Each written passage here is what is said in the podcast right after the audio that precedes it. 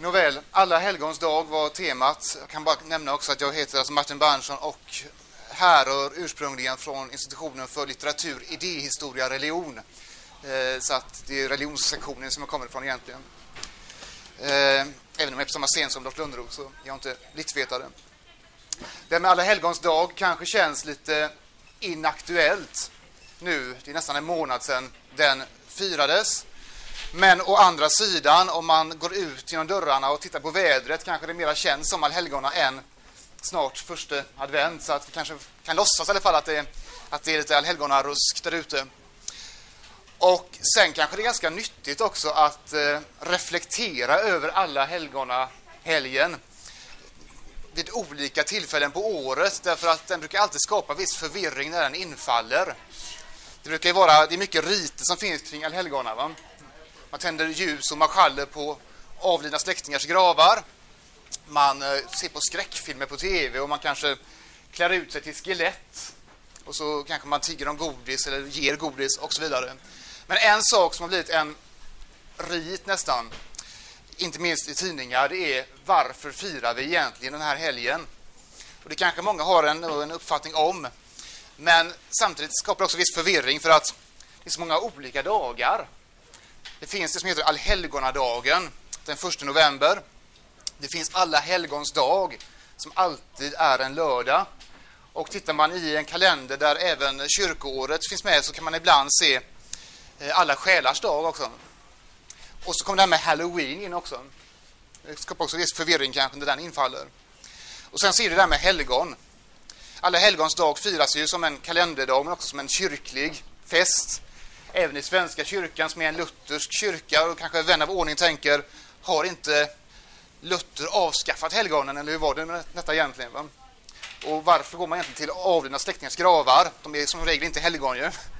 Kanske så att någon här har ett, en släkting som är helgon men vanligtvis är de ju inte det. Va? Ändå gör man det på allhelgonahelgen. Hur hänger allt det här ihop? Så min avsikt nu, den här kvarten eller tio minuterna som är kvar kanske, är att bara skapa lite reda, eller kanske ännu mer oreda egentligen, i de här eh, tankarna. En sorts reaktualisering av, av de här tre dagarna, eller fyra kanske. Och vi kan tala om en, en i sänder. Alla helgons dag är ju den fest som väl har kanske den äldsta historien. Eh, som många av er vet så växer den fram under antiken, under fornkyrklig tid.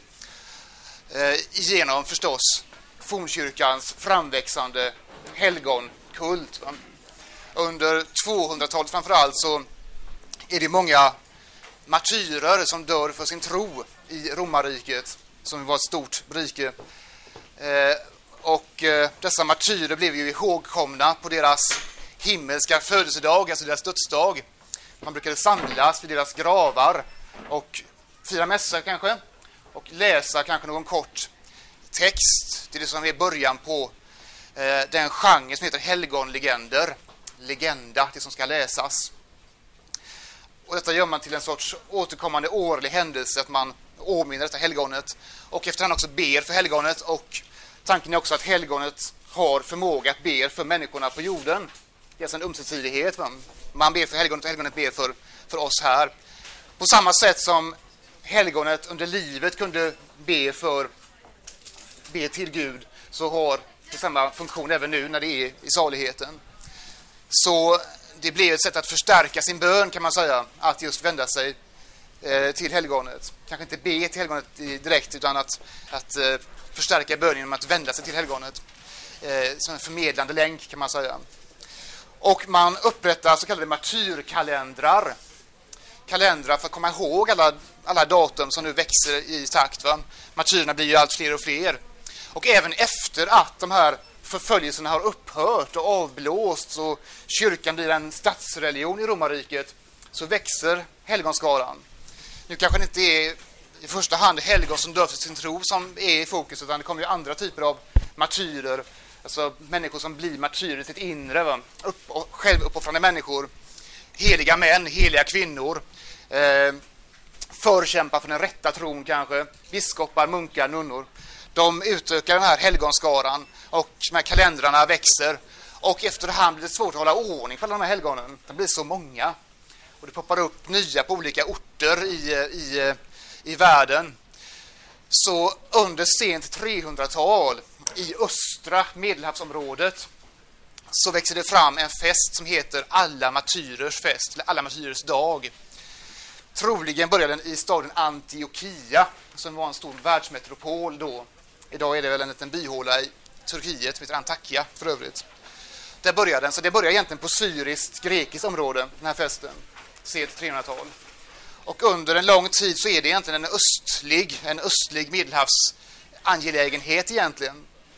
Men den kommer till väst och börjar lite blygsamt firas i väst i staden Rom under 6 och 700-talen. Men märk väl, till att börja med är det främst en angelägenhet för staden Rom och inte för hela Västeuropa. Det är en lokal fest eh, som blir en allmän helgdag egentligen först 835. År 835 då förmås kejsaren Ludvig den fromme att införa det som en allmän helgdag i sitt väldiga Frankrike på anstiftan av påven förstås. Och då kan vi säga 800-talet, ungefär mitten där, då blir det en allmän helgdag i, i, i stort sett hela Västeuropa. Frankrike omfattar ju en stor del av Västeuropa vid den tiden. Och den har firats i Sverige väldigt länge. Hur länge vet man inte. Men alla helgons dag finns med i den äldsta eh, kalendern som har hittats i Sverige. Det så kallade Vallentuna-kalendariet som troligen är från 1198. Där finns den med. Så har gamla rötter i vårt eget land kan man säga. Alla själars dag eh, infaller enligt eh, katolsk ordning dagen efter, det vill säga den 2 november. Jag ska nämna det också, det glömde jag säga, att när eh, man har det här med datum, Alla helgons dag börjar egentligen firas på våren. I den östliga kyrkan, den grekiska och ryska och så vidare, så firas den alltjämt första söndagen efter pingst.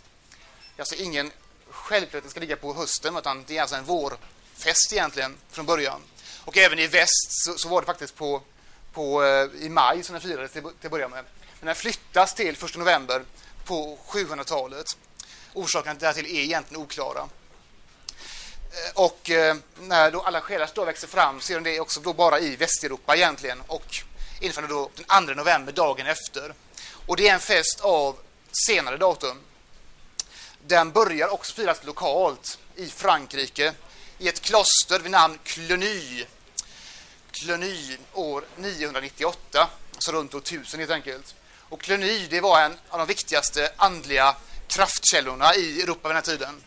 Eh, det var en sån sorts eh, eh, kraftstation från vilken olika impulser, både vad gäller nätverksbildande i klosterväsendet och även olika andliga impulser, spreds till olika Eh, likartade kloster i olika delar av, av Europa. Och eh, festen börjar där som en lokal angelägenhet och grundtanken är helt enkelt att efter att man har bett för alla helgon som då befinner sig i saligheten så vänder man sig dagen efter till de övriga som är förhoppningsvis på väg till saligheten som befinner sig då i, i eh, skärselden på något sätt. Va? Och Det här är en fest som blir allmän helgdag i Västeuropa egentligen långt senare. Under 1200-talet kan man säga att den har slått igenom fullt ut. Och det bygger till stor del på att vid den här tiden så var skärseldsläran väldigt populär. Va? Den växte väldigt mycket i omfattning och i eh, sanktion. Och skärseldstanken är ju inte då att det är en helveteseld som brinner, utan tanken är att det är en reningsprocess där man eh, genomför botgöring helt enkelt efter döden. Va? Och detta är en tanke som blir väldigt stark under just högmedeltiden. Och det passar ganska bra att be för just själarna som finns i skärselden och att fira själamässor och den biten. Och alla själars dag, den kommer att firas på olika sätt kan man säga. Dels fanns det strikt liturgiska firandet, att man firade mässa och man hade processioner runt eh, kyrkogårdarna. Men sen fanns det också folkligt bruk och folkligt, eh, folkliga sedvänjor helt enkelt som eh, byggde mycket på tanken att, att i den här tiden när de döda är så pass nära oss själva så finns också tanken att eh, de också kanske återvänder, alltså själarna återvänder helt enkelt för att hälsa på sina anhöriga. Och det man kan se i de olika folkliga bruken är ganska komplex syn på, på döden egentligen. Alltså en syn som eh, innebär både ett omtanke, man ber ju förstås för, för de avlidna, men också en viss rädsla egentligen. Va? Man tänder eldar, man kanske lägger en sorts bakverk. Det finns, jag vet inte om det stämmer, jag har hört någonstans att det i Finland fanns en ser att, att tända bastun just för att för de döda ville ta sig en liten bastubad kanske. Eh, och det kanske är så även i vår egen tid att vi har en ganska komplex syn på döden. Va? Man vill hålla det lite ifrån sig även om man samtidigt också vill hålla de avlidna i varm åtanke och omtanke inte minst. Så de här två dragen finns och fanns väl med. Och det man kan tänka på där också det är ju att, att eh, de här tankarna på skräck och på eldar och på skelett och, och sådant som finns idag är förstås impulser från inte minst Nordamerika. Men man kan också leka med tanken att det också är en del av vår egen historia egentligen.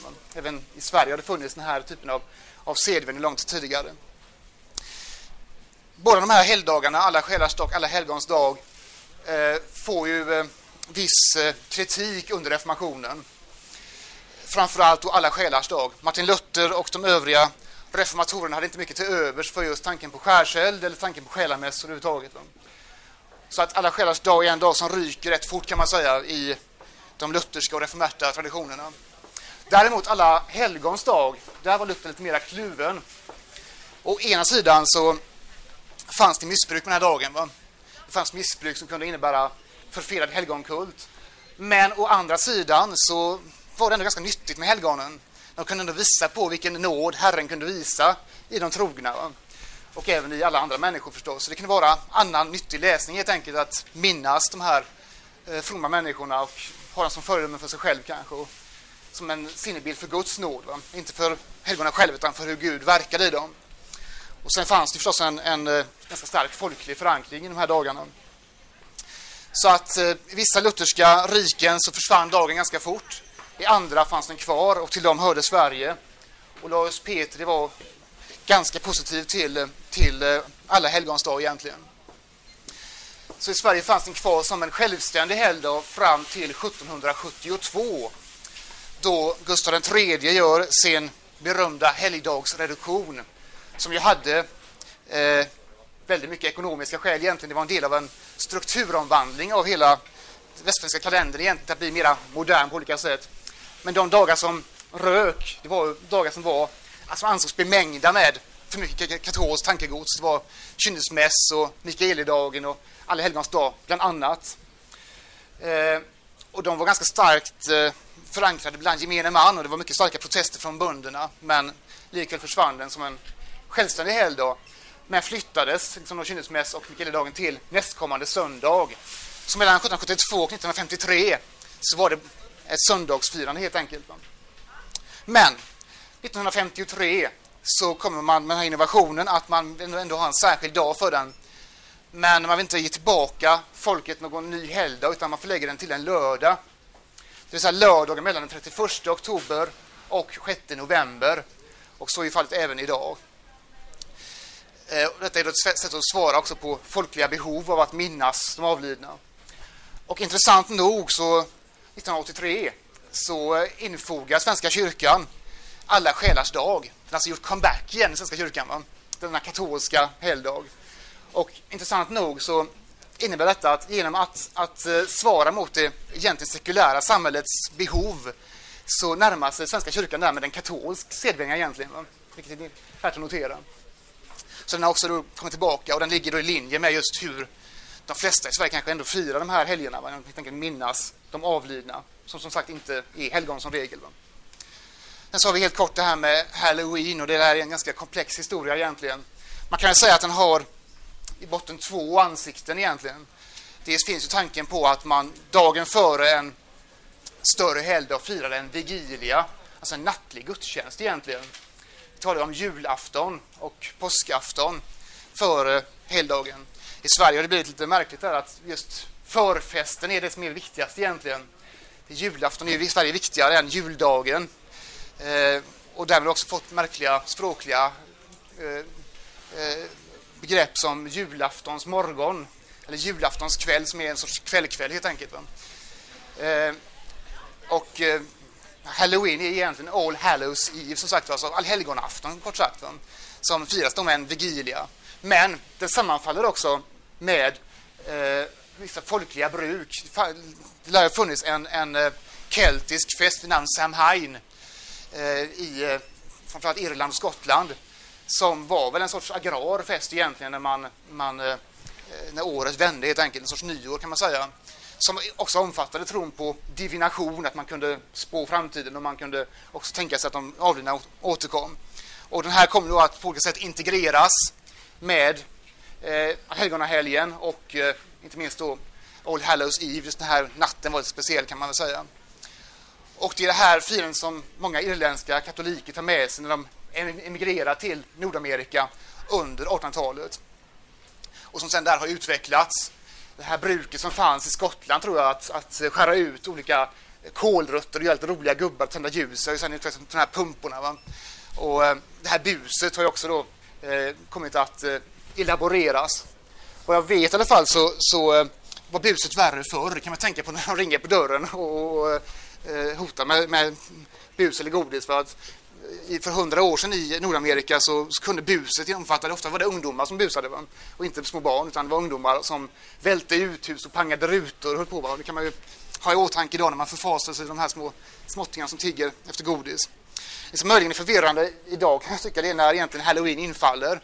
Eh, jag tycker de kommer väldigt tidigt, de flesta av de här barnen. Va? Då har man inte godis hemma heller så då blir man ju utsatt för det här buset. Va? Så det är lite, lite märkligt. Nåväl, för att avrunda det här så kan vi säga så här att om man nu försöker gräva ut kulturlagren i de här, de här helgerna, den här helgen, de här olika dagarna så kan vi se impulser från olika eh, kulturer. Alltså det är en mångkulturell fest egentligen kan man väl säga. Det finns lager från syrisk tradition, grekisk, latinsk, romersk, keltisk och sen så finns det förstås olika inhemska traditioner och även då nordamerikanska innovationer. Och eh, om man ska ha en liten vacker avrundning på det hela kan man säga att eh, det som är gemensamt för både det sekulära firandet och även det religiösa firandet är väl att det finns ett behov kanske hos människor att minnas eh, människoöden i det förflutna som kan lysa som, som ljus för oss idag på olika sätt.